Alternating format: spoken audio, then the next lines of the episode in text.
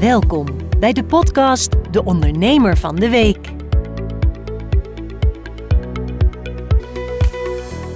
Een hele goede dag. Welkom bij De Ondernemer van de Week.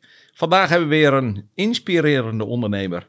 En vandaag hebben we, Jaring de Braak van Hartslaghypotheken in Ja. Drachten. Jaring, een hele goede dag. Eh, welkom en mooi dat je bij de podcast De Ondernemer van de Week eh, bent. Eh, wie is Jaring? Jaring is een, eh, als eh, financieel adviseur werkzaam in zijn eigen bedrijf voor uh, hartslaghypotheken in Drachten. En daarbij is het zo dat ik met mijn meer dan 30 jaar ervaring, dat ik door de wol geverfd ben, om zo te zeggen. En dat mensen eigenlijk bij mij terecht kunnen voor ja, bijna elk soort financieel advies. En ja, daarin is het zo dat ik daarnaast eh, privé eh, gelukkig getrouwd ben. Eh, ik ben een trotse vader van eh, een zestal kinderen. Kijk, Dus doe maar eens even. Ja, En daarnaast is het zo dat ik sinds eh, december voor het eerst eh, opa ben. Dus dat Opa, is ook heel erg leuk. ja. Dus ja, dat is een mooi, eh, mooie overstap naar eh, dat zowel het zakelijk als het privé ja. in beide gevallen eh, florerend is. ja, mooi man. Waar is Jaring geboren? Ja, dan ga ik even terug naar mijn eh, Groningse roots, want ik ben geboren in Loins. Dat hoor ik wel een beetje, ja. Maar Woon, je, woon je ook nog in Groningen trouwens? Nee, ik ben groot geworden in eh, de stad Groningen. Vanaf mijn vierde heb ik daar eh, gewoond. En waar in de stad? Eh, dat was in Vinkhuizen. In Venkhuizen, oké. En later is het zo dat ik na mijn middelbare school aan de HAVO, dat ik gekozen heb voor een studie ook hier in Groningen. Aan het eh, prachtige Prins Claus eh, Conservatorium in Groningen. Kijk eens. Ja. Mooi. En toen? Ja, kijk, ehm, mijn, passie, eh, mijn passie ligt in de muziek. En vandaar dat ik daar, daar ook voor gekozen heb om, om daar mijn professionele studie zeg maar, in te doen En, destijds. en welk instrument bespeel je dan? Ik ben kerkorganist, maar het hoofdvak waar ik voor afgestudeerd ben zijn er twee. Ik heb tegelijkertijd twee HBO-studies gedaan. Eh, de eerste studie was eh, als docent muziek. En de tweede studie was eh, voor praktijkdiploma koordirectie met bijvak orkestdirectie. Kijk eens. En deze studie heb ik gedaan vanaf, vanaf 1982. Ja, dat is eigenlijk wel een leuke anekdote erbij. De, ik was toegelaten, eh, na mijn HAVO, was ik toegelaten om eh, belastinginspecteur te worden. dus dat is heel iets anders. en ik was ook eh, daarnaast ook toegelaten om verder te gaan voor een mbo-studie voor verzekeringen en assurantie en dat soort zaken. En daarnaast dus de zaken rondom de muziek. Ja, en op dat moment heb ik gekozen voor de muziek. En dat was best wel een lastige, omdat in die tijd, in 1982, was die keuze gemaakt. In 1982 was er eh, sprake van ontzettend veel werkloosheid. Eh, economie was moeilijk. eh, ook mede vanwege het feit dat eigenlijk ja, het land een beetje op slot zat. Vanwege hele hoge rentes en dat soort zaken. De rentes waren toen in die tijd rond de 10%. Nog wel meer hier en daar. En ja, indirect gaf dat natuurlijk heel veel druk bij ondernemers. En nou ja, zover was ik toen nog niet hoor. Toen ik 17 En hoe was. oud was jij toen? 17, 17. ja. En, En eh, toen woonde je in Groningen? ja, en eh, Nou, nou, was je, dan was je eigenlijk helemaal nog niet met hypotheken bezig, denk ik. Helemaal niet. Nee. Ehm, maar het, het, de appel valt toch niet ver van de stam. Want ook al is het zo dat eh, mijn vader al eh, jong eh, eh, overleden is helaas. Ik was toen nog maar elf. En hij is Eh, overleden. maar hij, is, hij, Hoe maar oud was hij? hij was 50 jaar. Dus 50? het- ja, dus het was nog heel Ja. jong. Hij is helaas overleden aan een hersenbloeding. Maar hij heeft... Hij, hij werkte altijd bij de, bij de RVS en later bij het eh, ziekenfonds hier in Groningen. Kijk. En dus ja, ik heb het wel ergens vandaan, zeg maar. Ja, ja. Ehm, maar tegelijkertijd is het zo eh, ja, dat, ik, eh, dat ik ook die keuzes moest maken. Ja, en de passie, die, oh, die, eh, die koos er toch voor. Maar ik weet nog heel goed het moment dat mijn moeder zei, eh, toen zij nog leefde, eh, dat, dat zij toen in 1982 tegen me zei van nou, ik zal maar bij de belasting nog eens gewoon, want dan heeft hij een kostje gekocht. En dat betekent in het Nederlands? En dat betekent in het Nederlands, ik zou maar bij de Belastingdienst gaan werken, want dan heb je zekerheid. Ja, dan heb je je kost verdiend, zeg maar. Ja. Ja, dan, Ja. dan kom je, kun je daar met pensioen. Dat Maar- zijn ze nog achteraan. Nou, ik, ik was 17, dus ik had zoiets van, waar gaat dit nu opeens over? dus en ik, ik zei ook van de weeromstuit van, eh, die valt af. En- omdat je moeder Ja. dat wou. dat was de reden? Ja, dat, nou, het was niet de reden om waarom. Maar Was ik jij een beetje ik- rebels? Was nee, een beetje rebels? nou, rebels niet, maar ik ben wel een hele snelle denker. Oké. En ehm, eh, je wordt op dat moment voor de keuze ge- eh, gesteld om, eh, om, om eh, dat soort dingen te doen. Ja, en, en op dat moment krijg ik gelijk de ingeving van dat moet niet. Dat heeft met mijn ondernemerschap ook te maken, denk ik. Omdat je gewoon direct Ja, eh, daar de nog sneller in maakt. Dat nee, maar dat weet ik nu. Ja. Kijk, en het gaat me er even om. Ik, ik denk, ja, dat is, niet, eh, dat is niet waar ik op mijn zeventiende vol wil gaan. Ik, ik, eh, ik heb meer zin aan het avontuur. En, eh, en toen heb ik eigenlijk direct daarna gewoon die keuze gemaakt om in de, in- om in de muziek te gaan. Had je toen ook al een vriendinnetje? Want als je 17 bent... Nee. Nee? Dat, je was meer met de muziek en andere dingen Ja. bezig dan met... Oh ja, oké. Ja, ja, ja, het is, het is, ja, dat zijn toch de dingen waar je op dat moment heel erg mee bezig wil zijn. En, Ja. eh, je gaat van een eh, algemene opleiding ga je naar, naar een vervolgopleiding. Ja, dan focus je toch wel op de dingen die je wil gaan doen. Want ja, die maatschappijrol die je hebt, eh, die je hebt te vervullen, ja, die moet je wel eh, serieus nemen. Ja. Tenminste, dat, dat heb ik van het begin af aan altijd gedaan. Ja. Ja. En toen, 17 jaar... ehm, een beetje rebels naar mama toe. Zo van, nou, Ja, dat mama, was al vaker belasting zo. gaan we niet doen. en toen, daarna. Ja, eerste studie, eh, studie schoolmuziek, dus voor docent muziek. En ja, dat was een eh, prachtige studie. Eh, heel algemene studie ook, maar ook ontzettend breed. Eh, in de breedte voor wat betreft, ja, als je weet wat je moet doseren, eh, moet je eerst zelf eh, leren doseren, maar dan weer met een S.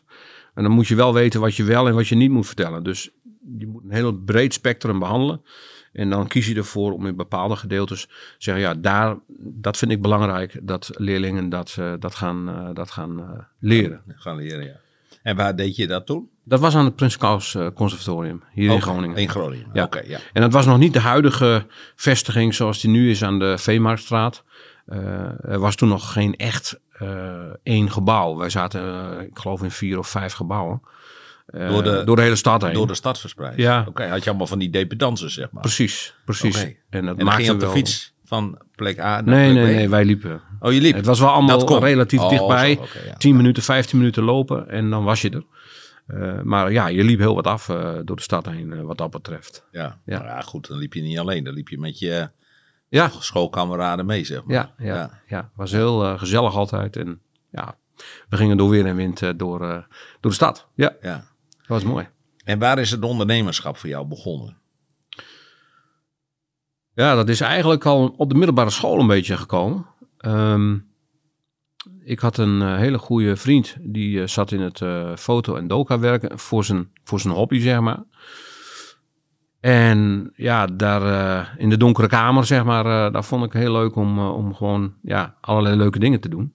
Ehm, en dat hebben we ook gedaan, foto's maken eh, van leerlingen op school en al die dingen meer. En ja, dan, eh, ja, dan verkochten we dat eh, mondjesmaat, zeg maar. Maar ja, daar is het al, eigenlijk altijd wel een beetje, een beetje aan staat een ondernemersbloed aan. Ja, denk het wel. Ja. Ja. ja. Oké. Maar dat was, dat was van een goede vriend van mij. Maar ja, ik, ja je loopt dan mee en Ja. je, je doet er mooi mee. En jij zorgde ervoor dat de foto's werden verkocht. Ook, ja. Ja. ja. En deed je dan de marketing er zeg maar ook een beetje bij dat Nee, je nee, de marketing... prikkelde zo van nou, Ja, dat wel weer. Alleen, ehm, ik heb dat niet ervaren toen op, de, op dat moment als marketing. En als ik kijk naar mezelf, dan is het zo dat ik, dat ik een, eh, ja, een vakinhoudelijk sterk eh, persoon ben.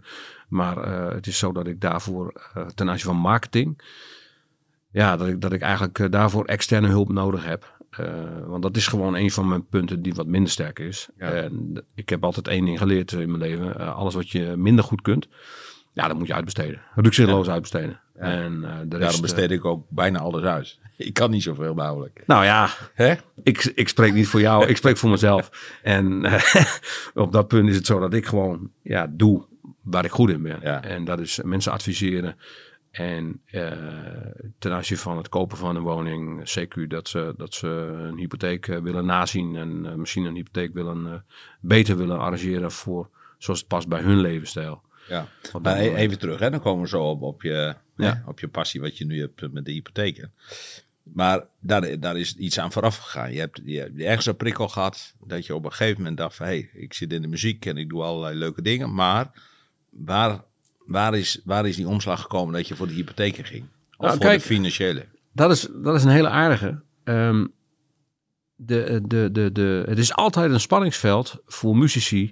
eh, en dan praat ik even voor muzici in Nederland in het algemeen. Dat gewoon om daar je vak, vakinhoudelijk beroep van te maken, dat dat eh, toch op een of andere manier altijd een hele lastige is. Als je geen docent op een middelbare school of een lagere school bent eh, die dat vak muziek geeft, eh, als, als vakleerkracht, ja, dan, is, dan, is het, dan wordt het al behoorlijk lastig. Ja. En Maar- dan is het dus zo dat je op dat punt heel veel, heel veel ziet dat mensen een combinatieberoep hebben. Ehm, eh, dat ze eh, psycholoog worden of een heel ander beroep. En dat ze daarnaast vaak, ja, dat klinkt dan wat, ja, wat typisch, maar wat hobbymatig, zeg maar, dan hun eigenlijke passie en professionaliteit uitoefenen. En eigenlijk vind ik dat heel jammer.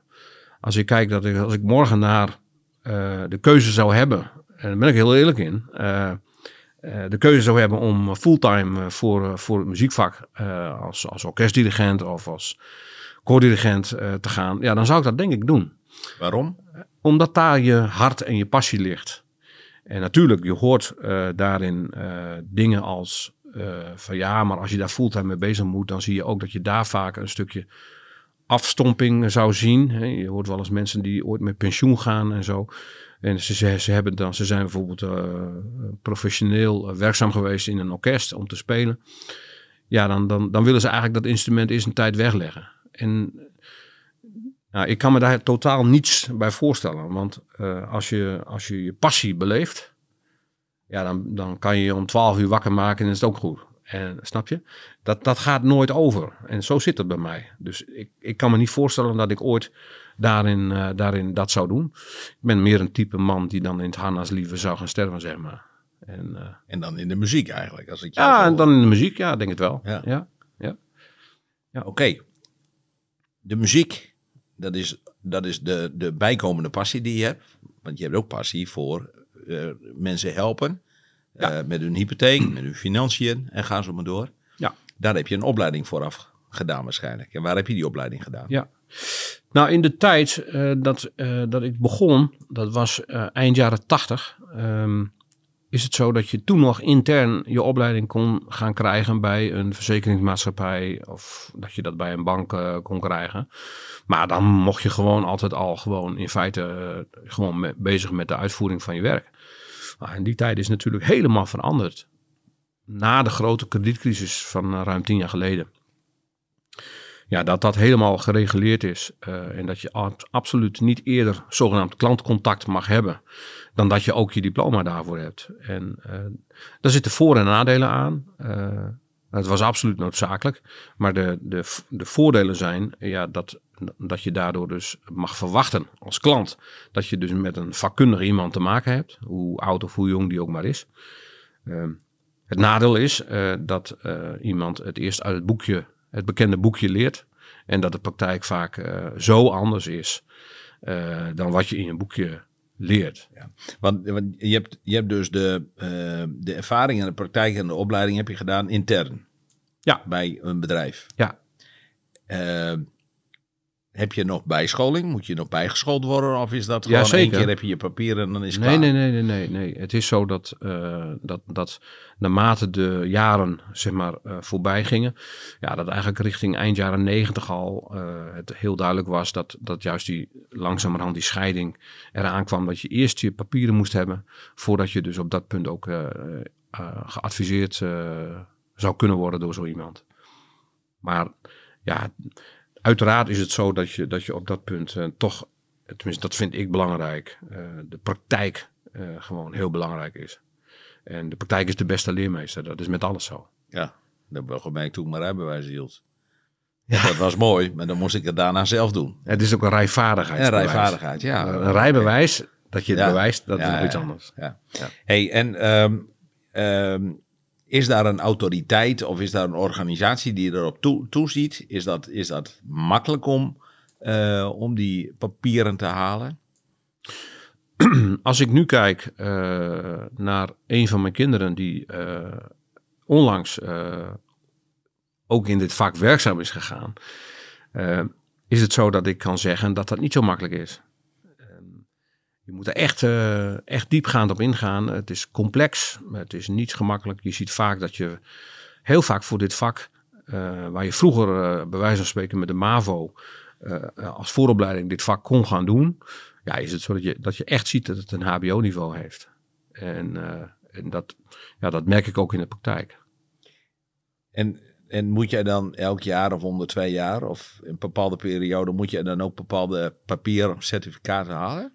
Ja, na de uh, kredietcrisis van ruim tien jaar geleden is het zo dat uh, de toenmalige minister van Financiën, uh, Jan Kees de Jager, dat hij dat hele gebouw zeg maar heeft opgezet. Was daar eindverantwoordelijk voor. Maar dat hele professionaliteit in deze branche, dat die via de regelgeving in feite tot stand is gekomen. En dat betekent ook dat je elk jaar je permanente educatie moet volgen. Ehm, en daarbij moet je dus ook uh, daarin ook je diploma's up-to-date houden. Nou, daar is een permanent educatieverhaal voor. Maar één keer in de drie jaar moet je daar ook weer opnieuw examen voor doen. Uh, en dat moet je halen. Uh, haal je dat niet, ja, dan verlies je dus je licentie om in dit vak werkzaam te mogen zijn. En wie ziet daarop toe? De Autoriteit Financiële Markten, de AFM. Oké. Ja. Als je daar op hun site kijkt, op de AFM, dan zie je dat daar voor consumenten ook veel informatie uh, staat vermeld. Uh, je staat ook als adviseur, uh, sta je ook vermeld in het register bij de AFM. Dus iemand die een hypotheekadvies wil, die kan daar ook voor controle gaan. Van ja, is deze meneer of mevrouw wel bevoegd om ook, om ook dit vak uit te oefenen en aan mij advies te geven. Bevoegd is ook eigenlijk betrouwbaar. Kan ja. ik dat samen koppelen? Want de autoriteit financiële markten ja, de, de autoriteit financiële, financiële markten die uh, heeft een betrouwbaarheidstoets. Uh, en dat betekent ook in juridische zin, maar ook uh, ten aanzien van ja, letterlijke betrouwbaarheid. dat je zelf bijvoorbeeld geen fraude hebt gepleegd of al die dingen meer. Dat je gewoon een integer persoon bent. en daarnaast heb je dus de, de, de toets voor de bekwaamheid. Dus je betrouwbaarheid aan de ene kant en bekwaamheid aan de andere kant. En dat komt samen dan tot stand in je diploma, wat je uiteindelijk dan ook gaat krijgen. Die, uh, die toetsing, die cursussen waar je over hebt, of die certificaten die je moet halen, moet je dan bijvoorbeeld helemaal naar de andere kant van Nederland of valt er nog een beetje mee dat je ook in de omgeving kan? Ja, inmiddels uh, kunnen, we, kunnen we eigenlijk uh, vrij lokaal. Ehm, voor mij is dat bijvoorbeeld Heerenveen vaak. Ehm, examens is even afhankelijk van het tijdstip uh, dat je soms iets verder moet reizen. Maar uh, inmiddels is het wel uh, redelijk lokaal. En dat is, is, natuurlijk wel prettig, zeker als je in het noorden van het land woont. Merk je dan ook dat je ouder wordt, dat je, dat je, dat je leert en dat je dan denkt, hé, hey, het ging mij vroeger makkelijker af als nu? Ja, gezond blijven eten en drinken en goed blijven slapen. Dat scheelt. Ja. Dat is een wijze tip. Ja. hey, en. Scherp blijven betekent dat je gewoon, ja, elke dag gewoon gezond en wel moet leven. Hey, en op een gegeven moment ben je begonnen met hartslaghypotheken. Ja. En dat was jouw, jouw eerste bedrijf, zeg maar, voor, voor uh, hypotheken? Nee. Oké. Okay. Nee, ik heb hiervoor een, uh, een uh, in 1995 heb ik mijn eigen bedrijf voor het eerst opgericht. En dat was onder mijn naam De Braak Pensioen en Hypotheek. omdat daar mijn eigen specialiteiten lagen. En um, dat is uh, toen al vrij snel uitgegroeid sinds 1997 tot een viermansvennootschap. Um, omdat uh, de vraag zo groot was uh, dat ik wist, ja, ik moet hier gewoon die specialisatie en, die, en, en, die diepgang gaan vinden. ik ben toen zelf eigenlijk mezelf teruggetrokken dat ik alleen feitelijk hypotheekadvies en financieel advies gaf. maar wij hebben met die viermansvennootschap hebben we uh, toch gekozen voor een hele verdieping van het hele gamma. Uh, dus een pensioenspecialist, uh, in die tijd een employee benefits specialist. Ehm, en daarnaast iemand die schadeverzekeringen deed voor bedrijven.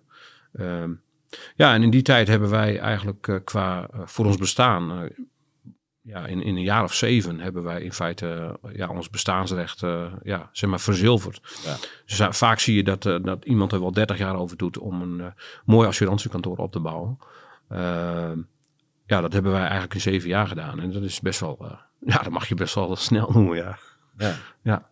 Ja. Misschien te snel, of niet? Nee, nee, nee, nee. Het was zeker niet te snel. Ehm, eh, de, de, de, het is de synergie van de specialismen die maakt eh, dat je daarin eh, niet alleen eh, succesvol kan zijn. Tegelijkertijd is het zo dat het ook die betrouwbaarheid ten goede komt. Dat je je niet begeeft op deelgebieden waar je eigenlijk wel een beetje verstand van hebt, maar niet specialist in bent. En ik, ik, ik denk dat dat in deze tijd alleen nog maar erger zal, zo zal zijn. vanwege het feit dat gewoon die diepgang gewoon vereist wordt in alle opzichten. En eh, dat is ook de reden waarom ik nu een bedrijf heb eh, met eh, puur op dit moment althans alleen financieel advies. Omdat ik daar gewoon meer dan 30 jaar ervaring in heb. Ja, maar je bent op een gegeven moment gestopt met de braak. financiële ja, diensten, zeg maar. Ja. Ehm, daar ben je op een gegeven moment mee gestopt. Ja. En, en toen? Nou, we hebben dat omgebouwd in de tijd. In 1999 hebben we het omgebouwd in de naamgeving van de BNMW-groep in Drachten. En dat, we vonden het moeilijk om daar een naam voor te verzinnen. BMW, dat, dat is heel iets anders. Maar eh, de BNMW, dat waren de eerste letters van de achternamen van de vier vennoten toen de tijd. Eh, En dat De braak. braak. Norg, Mollema en Westerhuis. Ah, oké. En eh, daarmee wilden we la- juist laten zien dat we juist als vennoten in staat waren om ja, in feite een full service pakket in de volle breedte eh, als specialist te kunnen voeren. Bestaat dat nog? Nee, Dat is weg. ja. Oké. ja. De diepste, ja, de diepste, eh, de hoogste hoogten en de diepste diepten, om zo te zeggen. Ja, die hebben, die hebben we daar ook wel meegemaakt. Ja, dat is, het is, eh, het is zo dat, dat je daarin heel succesvol bent. Eh, maar ja, de zwakste schakel, die ligt ook juist vaak in de, in de, in de personen. En, en ja, in mijn beleving is, is, is het vak van adviseur ehm, is niet alleen dienstbaar zijn naar eh, je consument, naar je klant, eh, maar eh, ook dan, daarin dienstbaar zijn naar elkaar. En op het moment dat daar barsten en scheuren in komen, omdat, ja, om zo te zeggen, de een zich wat meer geschikt voelt eh, als de ander, of dat de een ja, iets meer omzet als de ander, ja, dan zie je vaak dat daar dingen kunnen, kunnen gebeuren. Dus Ja. waar je kracht ligt, kan ook je valkuil liggen. Ja. En dat is een leerschool geweest. Ja. Ja, ik denk dat ik te- tegenwoordig iets anders zou doen. Eh, maar goed, de tijd zal het leren. Want ja, het kan, het kan altijd weer. Dat is de les uit het verleden. Ja, Hè? ja. En, en op een gegeven moment, want hoe lang heb jij nu hartslaghypotheken? Daarmee ben ik begonnen in 2017. Eh, en ja, eh, dat is dus in feite mijn vijfde jaar alweer. Eh, dus de eerste lustrum komt eraan. Ja, en dat is leuk. Ehm, kijk, en daarin is het zo dat ik, dat ik met die naam ben begonnen. omdat ik het belangrijk vond dat, dat daarin naast de zakelijkheid bij het kopen van een huis en al die dingen meer en alles wat erbij komt, dat daar ook het stuk emotie en je beleving, je persoonlijke beleving ook plek mag krijgen. Waar die naam hartslag? Ja, de emotie die, zich, eh, Ja. eh, die zich uit in, eh, in, in, in natuurlijk ja, emotie. En emotie geeft juist ook een hartslagversnelling vaak Ja, en al die maar dingen dat meer. zien we ook terug in jouw logo. Hè? Dan Ja. zie je een woning, of een appartement of iets dergelijks. En dan zie je ook die, dat hart, zie je. Klopt. Als de luisteraars of kijkers hè, dat willen zien, dan kunnen ze op je website kijken. En dat is hartslaghypotheken. Ten eerste de spreuk hartslaghypotheken, dat klopt. Ik bedoel, de berekeningen eh, zijn er, die kloppen. Maar daarnaast natuurlijk het hart, dat klopt. Ja, dat klopt. Maar daarnaast is het ook zo natuurlijk dat het hartje op het dak hè, eh, van, van het huis, wat, wat er in rood is weergegeven, ja, dat dat nog even een knipoog is naar het vriezen, eh, naar het pompenblad. Pom- ja, dat, Maar goed, ja, dat, dat, dat moet je net weten, maar het is wel een aardige. Ja, heb je dat er nou zomaar even bij bedacht? Of is dat... eh, Nee, eh, eh, sterker nog, de, de kleurstelling is zelfs nog de kleurstelling in mijn oude bedrijf BNMW Groep. ja, Nog steeds dat rood-witte, eh, rood-wit-blauw eh, in, in die combinatie. eh, wat ja, in mijn beleving eh, een stukje gedegenheid en, en, en klasse gewoon vertegenwoordigt. ja. Ja. ja, soms is geen toeval, maar moeten ook dingen zo zijn zoals het is. Welkom bij de podcast De Ondernemer van de Week.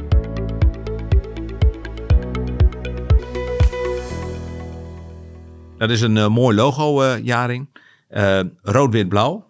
Dat is iets ook van Heerenveen, van Friesland. Wat heb jij met, wat heb jij met Friesland? Buiten het feit dat je daar woont en dat je je bedrijf daar hebt. Ja, kijk, het is zo dat eh, van ouds onze, onze geslacht, zeg maar, de braken, dat dat uit Friesland komt. Kijk eens. Ja, Niet, en- Maar je bent in Groningen geboren. Ja, dat klopt. Maar ons geslacht komt van ouds uit Friesland en van oorsprong uit de buurt van Dokkum, Engwierum, eh, van de boerderij. En eh, dat gaat terug tot 1600, dus dat is echt Oh. wel eh, een, ho- een behoorlijk stuk. Ja. Er is wel ooit eens iemand geweest die dat hobbymatig had uitgevonden. De boerderij staat er nog, dus dat is wel leuk. Ik heb dat natuurlijk bekeken. Maar een paar generaties voor mij zijn er dus van die familie zeg maar, mensen geweest die ervoor gekozen hebben om in de visserij te gaan. Zoutkamp. Kijk, ja, dat is Zoutkamp, ja. En dat is natuurlijk vlakbij. Ja. En dan, eh, en ja, dan gaan ze in de garnalenvisserij. Eh, mijn vader heeft ook nog in de garnalenvisserij gewerkt. Ehm, en ehm, zodoende eh, zijn ze dus eerst in Zoutkamp gaan wonen.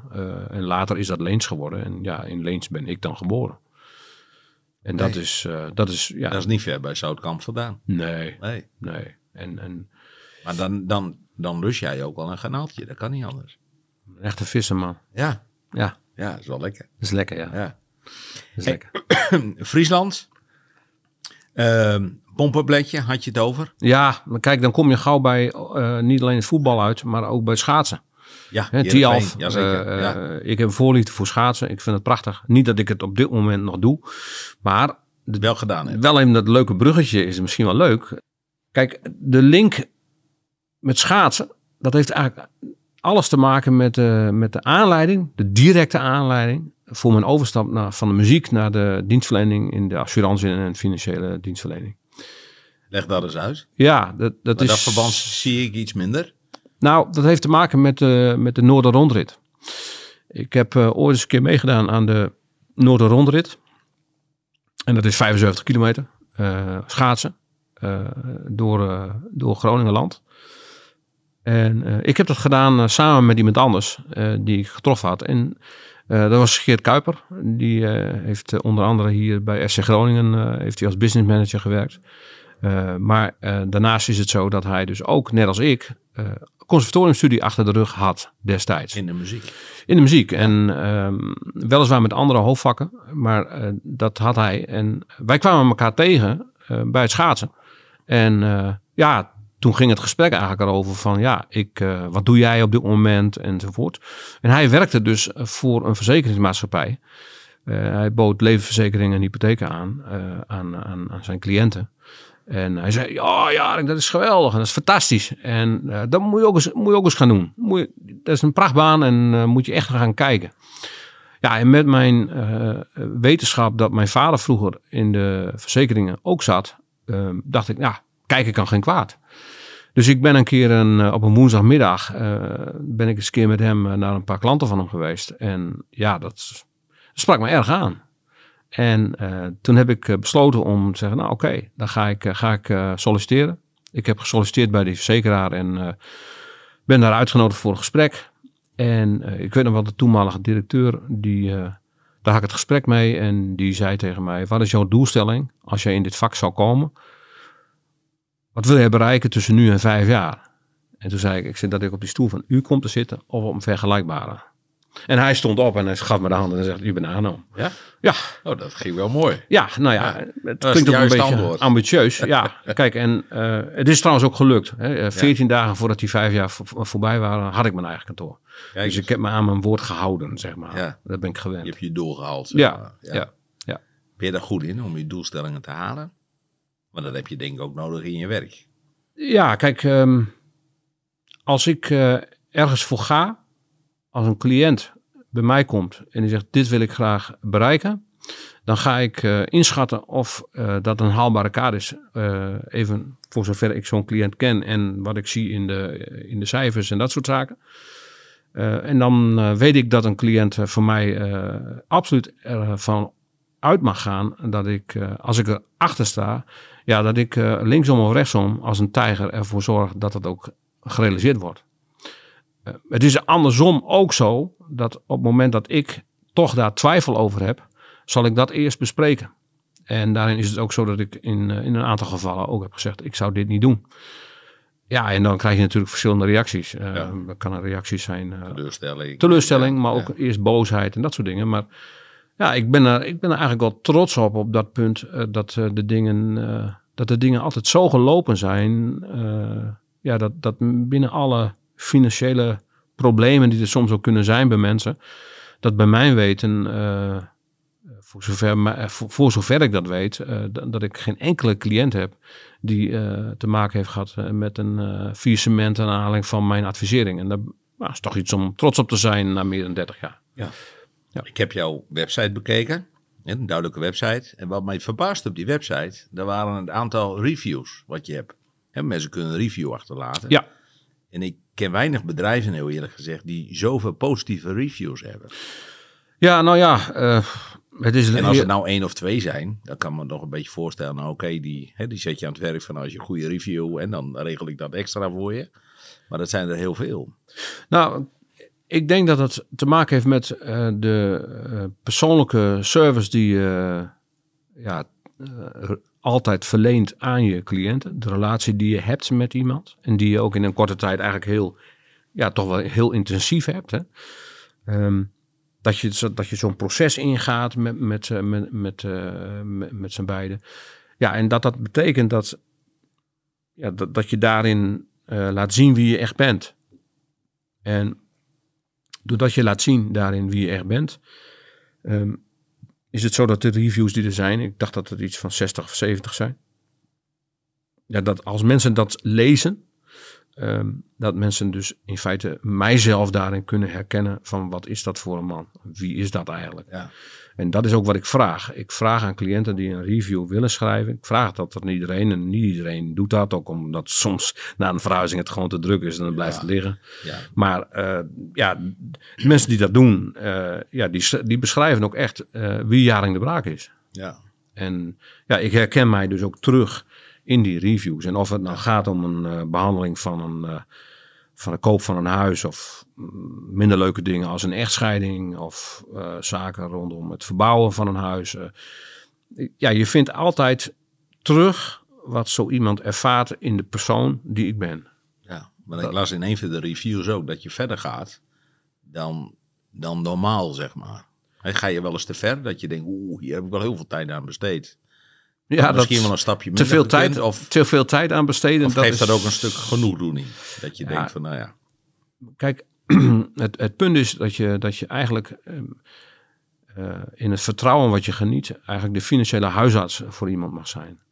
En eh, daarin is het zo dat je niet alleen even naar de pols voelt, maar dat je ook even verder kijkt. En eh, dan kom je ook soms tot hele verrassende dingen.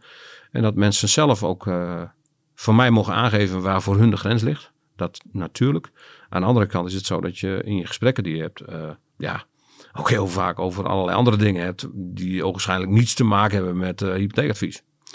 Eh, maar ik denk dat dat juist een van de dingen is ja, wat mij onderscheidt ten opzichte van de pure zakelijkheid van na anderhalf uur is iemand anders aan de beurt, dus oprotten. ja.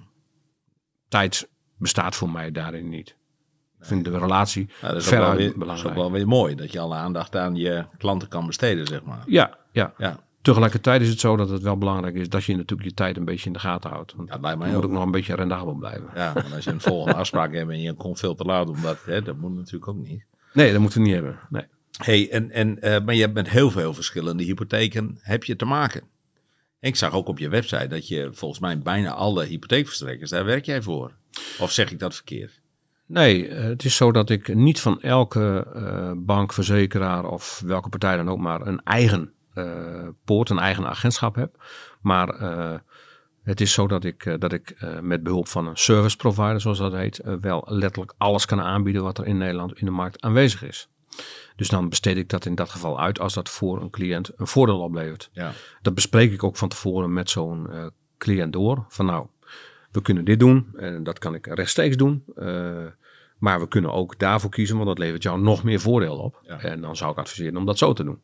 Dus je gaat echt op de plek zitten van, de, eh, van je klant, zeg maar. Alleen maar. Om daarvoor het maximale uit te halen. Ja, ja. ja. Het is zo dat ook het systeem daartoe uitnodigt. Want ehm, met de reorganisatie, waar ik al eerder even uh, uiting van maakte, dat uh, Jan Kees de Jager dus in feite een heel nieuw gebouw heeft opgezet, is het zo dat wij vroeger, heel vroeger, werden we betaald uh, door de bank, waar je uiteindelijk je hypotheek onderbracht. Maar dat heeft juist tot vaak excessieve beloning geleid. Ja. maar dat is helemaal 100% gedraaid. Wij worden alleen nog betaald door de cliënt. Maar daarmee waarborg je eigenlijk ook enige twijfel dat je nog stiekem via een achterdeurtje nog door iemand anders betaald zou worden. Omdat je denkt, nou ik ga die hypotheek maar bij die bank doen of die dan verzekeraar. krijg ik een bonus of dan krijg ik Precies. Een, gaan ze maar door. Ja, oké. Kijk, en ik kan echt wel met de hand op mijn hart zeggen dat ik vroeger niet gestuurd ben door dat soort excessieve beloningsstructuren. Maar ja, aan de andere kant, Roomstad en Pauwers hoeft ook niet te zijn. Wij deden wel in hoofdzaak uh, 90% van de handel, zeg maar. Dat deden we wel bij bijvoorbeeld vijf verstrekkers. Omdat je dan wel de hoogste bonussen kreeg. Maar dat deden we alleen maar om ook daarin uh, ervoor te zorgen dat de klant daardoor niet benadeeld werd. Het kan niet zo zijn dat je daarmee je klant benadeelt. Want Nee. dan doe je het niet goed, Nee. denk ik. Nee, dat is ook zo. Maar goed, aan de andere kant kan ik me ook voorstellen dat je je ook een heel klein beetje laat leiden. Eh, althans, zo zit ik met mijn werk ook wel eens in elkaar. Hè, dat we ergens eh, eh, bepaalde werkzaamheden inkopen. En dat we dan, hé, wacht eens even, als we daar inkopen, hè, dan, dan krijg ik ook heel snel een reactie. Dan gaat het ook goed. Dan is afspraak ook Ja. afspraak. En de prijs is ook altijd scherp. En als we het daarin kopen, ja, dan is het maar weer afwachten of ik vandaag of morgen ook reactie krijg. Ja, ik vind daarin leidend eh, eh, het feit dat het voor mijzelf, en dat klinkt niet egocentrisch of zo, maar voor mezelf moet het interessant zijn om met een partij samen te werken. Betekent dat zo'n partij dus ook de nodige eh, goede automatisering heeft in de zogenaamde ketenintegratie. Als je, je moet je voorstellen dat, dat je in, een, in een automatiseringssysteem opeens zit te werken. Eh, van bijvoorbeeld een Rabobank of eh, een ABN AMRO bank of eh, een pensioenfonds. En betekent dus dat je aldoor met andere automatiseringssystemen moet werken. Eh, daar weet die ja, klant helemaal ja. niks van. Nee. Maar dan is het heel vervelend als je met een systeem moet werken waar waarvan je denkt, ja, hoe werkt dit überhaupt? Kijk, en, en dan betekent dus wel dat je dus een goede aaneensluiting moet hebben. Dat je een logische eh, bewerking hebt van het materiaal wat je uiteindelijk moet hebben. Ja. Ehm, en dat betekent dus wel dat je dus wel met partijen werkt, eh, waarmee je ervoor zorgt dat je niet alleen foutloos werkt, eh, maar ook daarnaast dat je dus werkt met een systeem wat gewoon makkelijk en bruikbaar is. Ja. Maar anders kost het alleen maar extra tijd. natuurlijk, hè? Betrouwbaar, Ja, maar dat, ja. dat is voor mij logisch. Anders Ja. dan doet zo iemand al niet meer mee. Nee, duidelijk. Nee. hey, we hebben gehoord waar je geboren bent. Eh, waar, waar je wat groot gebracht bent. Dat de muziek ook je passie is. Dus de, hè, wie, is, wie is Jaring? Dat weten we inmiddels. En wat je doet, weten we ook. Ehm, maar ik denk dat er ook heel veel mensen zijn die denken... Hé, hey, wacht even. De hypotheek. Hè, er wordt ook een beetje... Hypotheekrente gaat waarschijnlijk wat meer omhoog. Ehm, Ja, ietsje. ja. Wat, wat, zou je de, wat zou je de kijkers en de luisteraars als tip mee kunnen nemen, eh, geven? En wat is, jouw, wat is jouw ultieme tip van, hey, zo, de- deze richting gaan we op? Ja, kijk, het is, het is zo dat eh, in de afgelopen jaren er sprake is geweest van een onnoemelijke, bijna voor het oog oneindige geldschepping en geldvoorraad.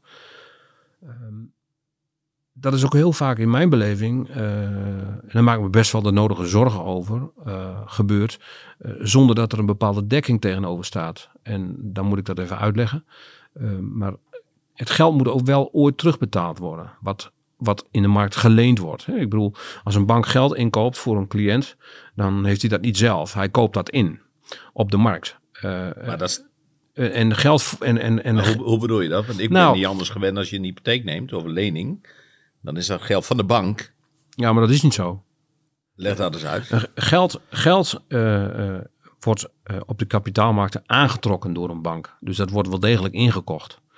Nou, en als je dus de, op dit moment met eh, hele lage rentestanden, eh, waarbij je zelfs rentestanden hebt van 0% eh inkoop, ja, eh, is het natuurlijk heel raar om, eh, om, om dan eh, daar eh 2% of 3% voor, voor te moeten vragen. Maar het zit hem eigenlijk in het risico wat een bank wel of niet kan en wil lopen. eh, hoe hoog dat percentage ook is. Naast de bruikbaarheid. Ik bedoel, een woning heeft een veel grotere zekerheid. Wat je als cliënt als onderpand aanbiedt aan een bank. voor het verstrekken van een hypothecaire lening. eh, dan bijvoorbeeld een auto. Als jij een auto koopt die elke dag in het verkeer is, die kan morgen auto los zijn. En dan Ja. hoop je dat die verzekerd is. Maar de controle heeft een bank daar niet op Nee. als die, eh, als die eh, die auto verkocht heeft. Terwijl hij wel geld leent. Dus dan zie je dat er bij een autolening bijvoorbeeld, dat de rente maar zo 6, 7 procent kan zijn. Omdat daar een bepaald risico in zit. Dus, dus het is een afweging van enerzijds inkoop. Want zo'n bank kan natuurlijk nog steeds dat geld voor nul in, inkopen, om zo te zeggen. Maar het risico waarvoor je dat besteedt, is natuurlijk een heel belangrijk punt waarom je iemand eh, een rentepercentage aanbiedt, eh, wat zo aantrekkelijk is. eh, of zegt van ja, dat zal toch iets meer moeten zijn. Nou, en dat is in feite vergelijkbaar met allemaal kansberekeningen die je bij verzekeringen hebt. Ik bedoel, als iemand 30 jaar schadevrij gereden heeft, dan is de Ja. kans vrij groot. Hij zal misschien nog wel eens een aanrijding krijgen, maar de, de kans is vrij groot dat hij, dat hij die 31ste jaar en daarna ook wel gaat halen. Ja. Ja. Dus daar heeft Ja, het wel mee te maken. Het is altijd natuurlijk een, eh, een, een risico, want die, dat zit erin. Je kunt 30 jaar schadevrij rijden. En eh 30ste jaar of 31ste jaar is nog niet ingegaan en vervolgens krijg je een aanrijding. Ja. Ja. hey, maar ehm, ehm, die hypotheken, denk je dat die straks omhoog gaan? Nou ja, kijk. Het is heel moeilijk om daar altijd een voorspelling over te doen, want anders zat ik hier niet. dat is de eerste. Ja, dan waarschijnlijk. eh, nou, dan zat ik op een andere stoel. bijvoorbeeld. Dan kon ik heel veel geld verdienen. Ja, ja, ja. Eh, Maar kijk, wat wel zo is, ehm, ik denk dat de rente eh, wel langzaam maar zeker op een iets normaler niveau zou moeten komen. En dat is. Laten we wel wezen. Welke percentage praat je over dan? Nou ja, kijk, ik, ik denk dat het heel normaal is om, om te praten over rentepercentages van 3, 4 procent. Oké. Dat is, nog niet heel lang geleden, 2016 ongeveer, toen was de rente ongeveer 4 Dat is tien jaar procent. geleden nu, hè? Zes jaar geleden. Zes jaar geleden. Dat is- Ja, moet nagaan. Ja. We zijn heel, heel slecht in het geheugen. Maar Ja. eh, en nu, nu, zit het om en bij de 1%. Als je, het, als je het als consument nu wilt afnemen van de bank, dan zal het gemiddeld rond de, tussen de 1 en 2 procent liggen. Afhankelijk van hoe lang je Ja. de periode van zekerheid wilt inkopen. Want iemand die nu eh, een hypotheekrente wil vastzetten voor 10 jaar, ja, die zal een goedkopere rente krijgen dan iemand die er voor 20 jaar zekerheid wil inkopen. Want ja, de bank zegt, nou, wij kunnen u die zekerheid bieden, maar dat kost je wel geld. Want de bank loopt dat risico. Want als die rente morgen wel 4% zou zijn, Ja, ja, dan, doet de, dan doet de bank er feitelijk geld bij. Ja, ja.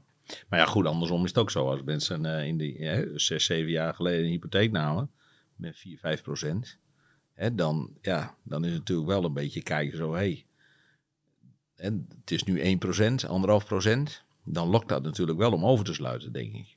Ja, Is dat altijd verdediger? Nee, dat is niet altijd voordeliger. Je moet kijken, eh, je moet kijken of het eh, past bij, bij, bij de situatie van de klant. Want er is enerzijds eh, ook nog te maken met een stuk fiscaal voordeel bijvoorbeeld, wat je wel of, of minder hebt.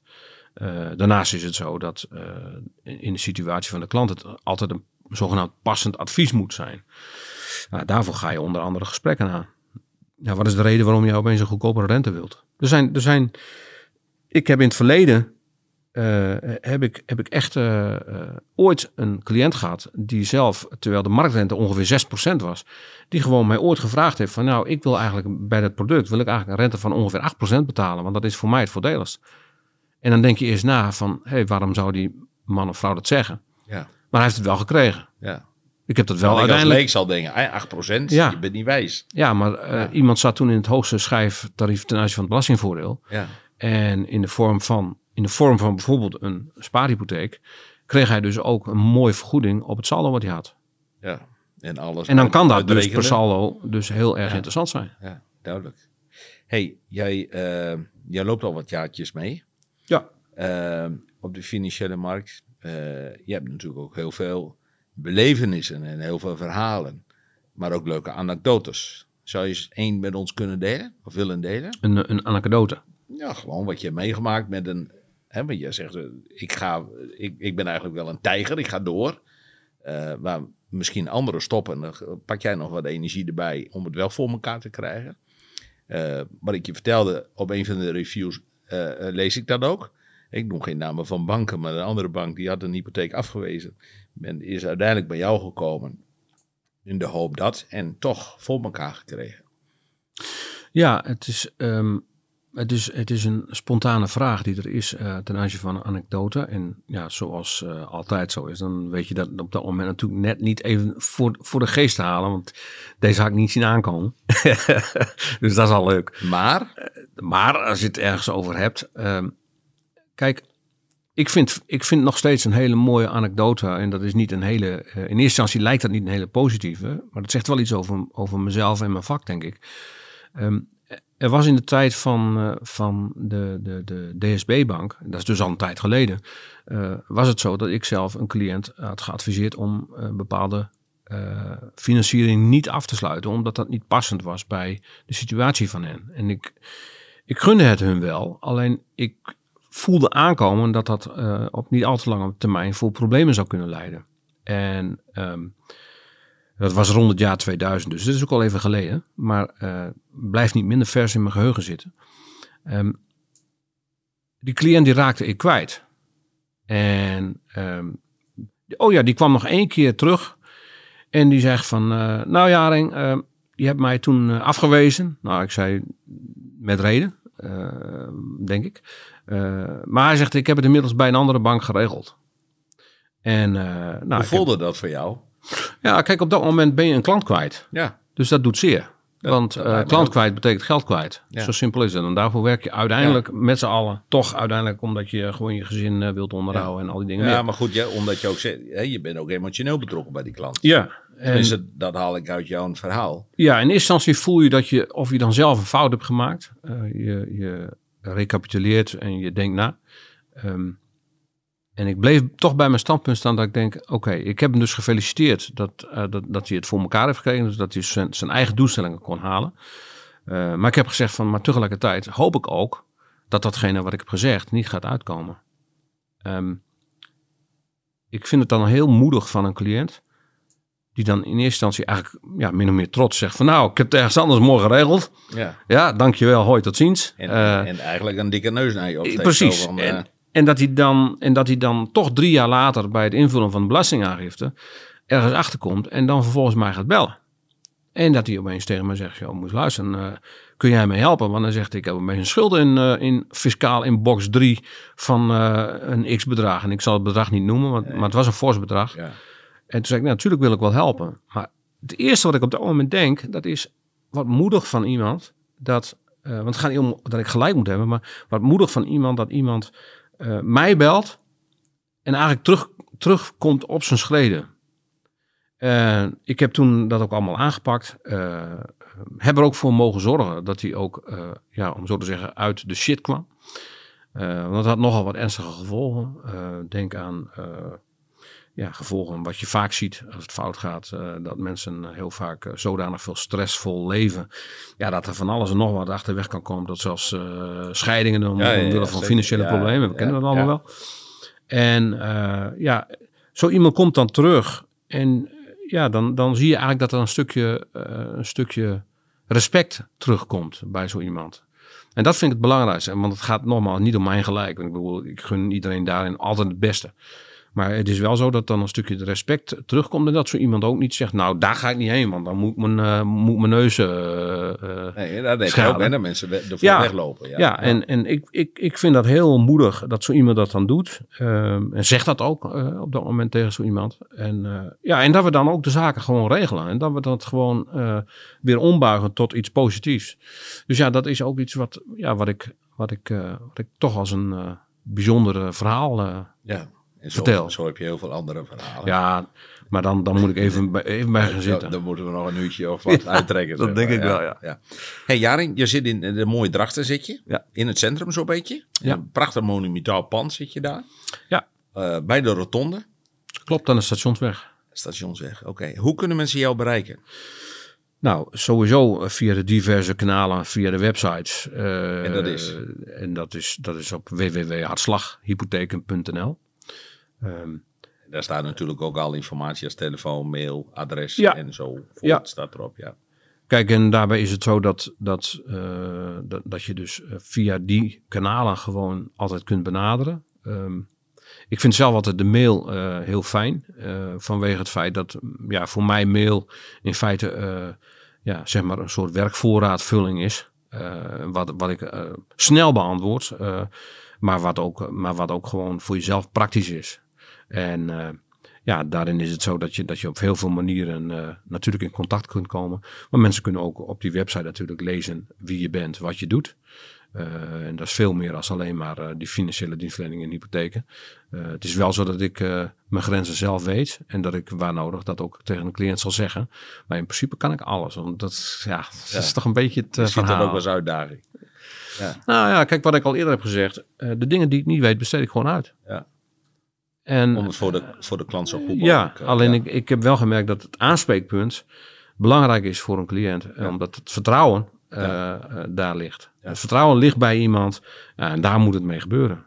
Nou, en als je dat vervolgens goed weet te, te settelen in, in je ondernemerschap, eh, binnen wat je zelf doet en ook wat je eventueel uitbesteedt, ja, dan, dan, dan is dat goed. Welke dagen van de week wil je bereikbaar zijn voor de, voor de mensen?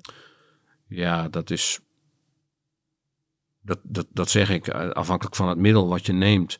Denk aan die e-mail, ja, kan altijd. Eh, tegelijkertijd is het wel zo dat ik zelf mijn beperkingen natuurlijk ook heb. Ik heb niet voor niks op mijn, eh, op mijn app eh, staan. werk altijd, maar niet 24-7. Nee. Gelukkig. En je hebt ook nog gezin en kinderen. dat en, bedoel ik. En jezelf natuurlijk, ook ja, belangrijk. Ja, en daarna, maar daarnaast ligt ook een beetje het principe aan ten grondslag. Ik, hoe druk ik het ook heb gehad, eh, bij mijn weten zijn, er, zijn er geen momenten geweest dat ik ervoor gekozen heb om als, om als christen op zondag te werken. En dat is misschien hartstikke traditioneel en hartstikke ouderwets, maar het werkt wel. Ja, maar we hebben allemaal ook even rust nodig. Dus die, Dat denk ik. en die zondag is een goede rustdag dan natuurlijk. Ja. Om Er zijn mensen die, dat, die dat op verschillende manieren invullen, maar ik Ja. geef er op deze manier invulling aan en Ja. ik denk dat dat goed is. Hey Jaring, bedankt voor dit gesprek. We weten wie eh, eh, Jaring is. We weten nu ook wie hartslaghypotheken is. Ehm, volgende week weer een nieuwe podcast. Ondernemer van de week. Dan zie je weer een nieuwe inspirerende eh, spreker, ondernemer. Eh, wil je meer weten? Kijk op deondernemervandeweek.nl. Jaring, bedankt en heel veel succes met hartslaghypotheken. Dankjewel. Dankjewel. Dit was de podcast De Ondernemer van de Week. Voor meer info, deondernemervandeweek.nl.